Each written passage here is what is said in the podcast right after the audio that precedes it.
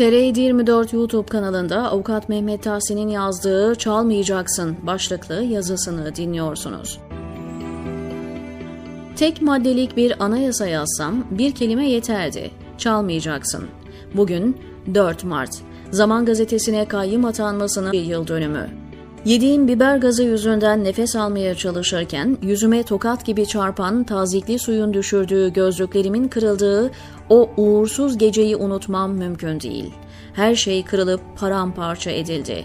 Hayatımız, hayallerimiz, ideallerimiz, geleceğimiz, mesleğimiz hepsi elimizden alındı.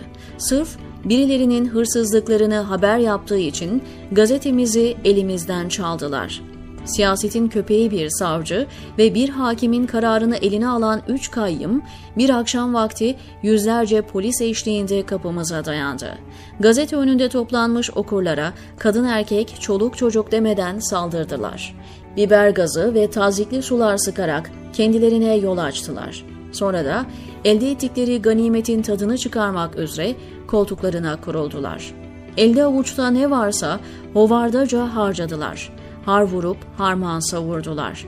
Geldikleri gün 600 binden fazla tirajı olan gazeteyi 5 gün içinde sıfırlayıp 5 ay dolmadan da kapatıp gittiler. Şimdilerde o gün çaldıklarını yemekle meşguller. Zehir zıkkım olsun.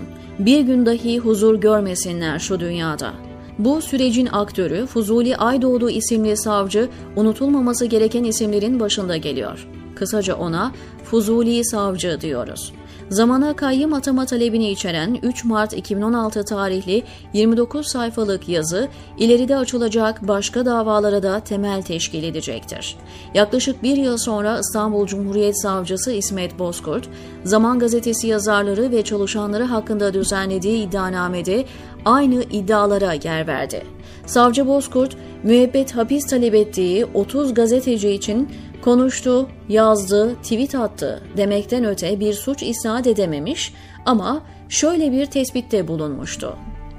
Görünürde suç unsuruna rastlanılmayan yazılarında dahi basın ve ifade özgürlüğünün sınırlarını aşarak devlet yetkililerinin ve kurumlarının haklarını ihlal niteliğinde ifadeler kullanmış oldukları.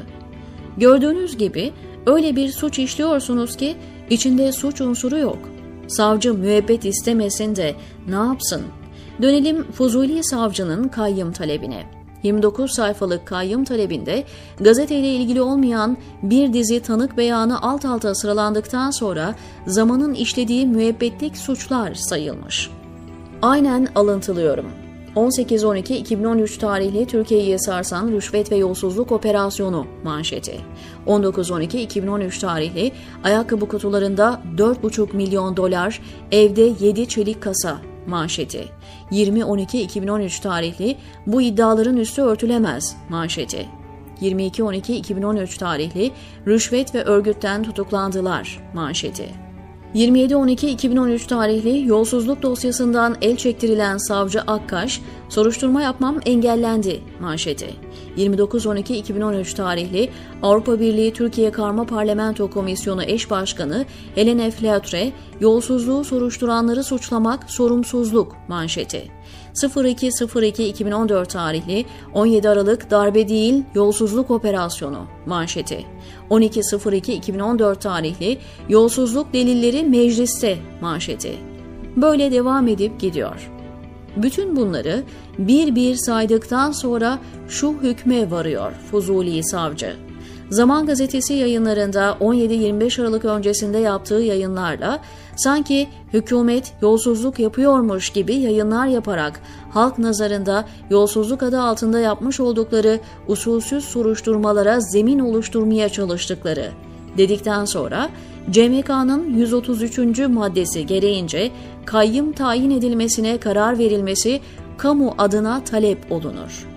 Bu talebi yerinde bulan İstanbul 6. Sulh Ceza Hakimi Fevzi Keleş de kayyım kararını alıyor. Sanki hükümet yolsuzluk yapıyormuş gibi yayınlar yapmak bakın nelere mal oluyor. Halbuki yolsuzluk hırsızlık değildir diye fetva bile almışlardı. Keşke almışken hırsızlık günah değildir diye bir fetva alsalardı. Ya da iki dakika insan olmayı tercih edip çalmasalardı. Çalmasalardı helal yoldan elde ettikleri bereketli kazancın keyfini sürecek, geceleri başlarını yastığa koyduklarında huzur içinde uyuyacaklardı. Çalmasalardı ağızlarından düşürmedikleri dinlerini üç kuruşa değişmek zorunda kalmayacaklardı. Çalmasalardı hırsızların peşlerine düşen polislerin hayatını karartmayacak, çoluk çocuğu dahil hapislere doldurmak gibi bir insanlık suçunu işlemeyeceklerdi. Çalmasalardı kendilerini kurtarmak için mafya ve karanlık örgütlerle işbirliği yapmak zorunda kalmayacaklardı.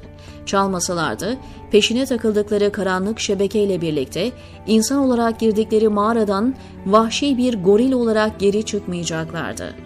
Çalmasalardı hapisteki 800'den fazla bebeğin suçsuz yere hapis yatan ebeveynlerinden koparılmış on binlerce çocuğun ahını almayacaklardı.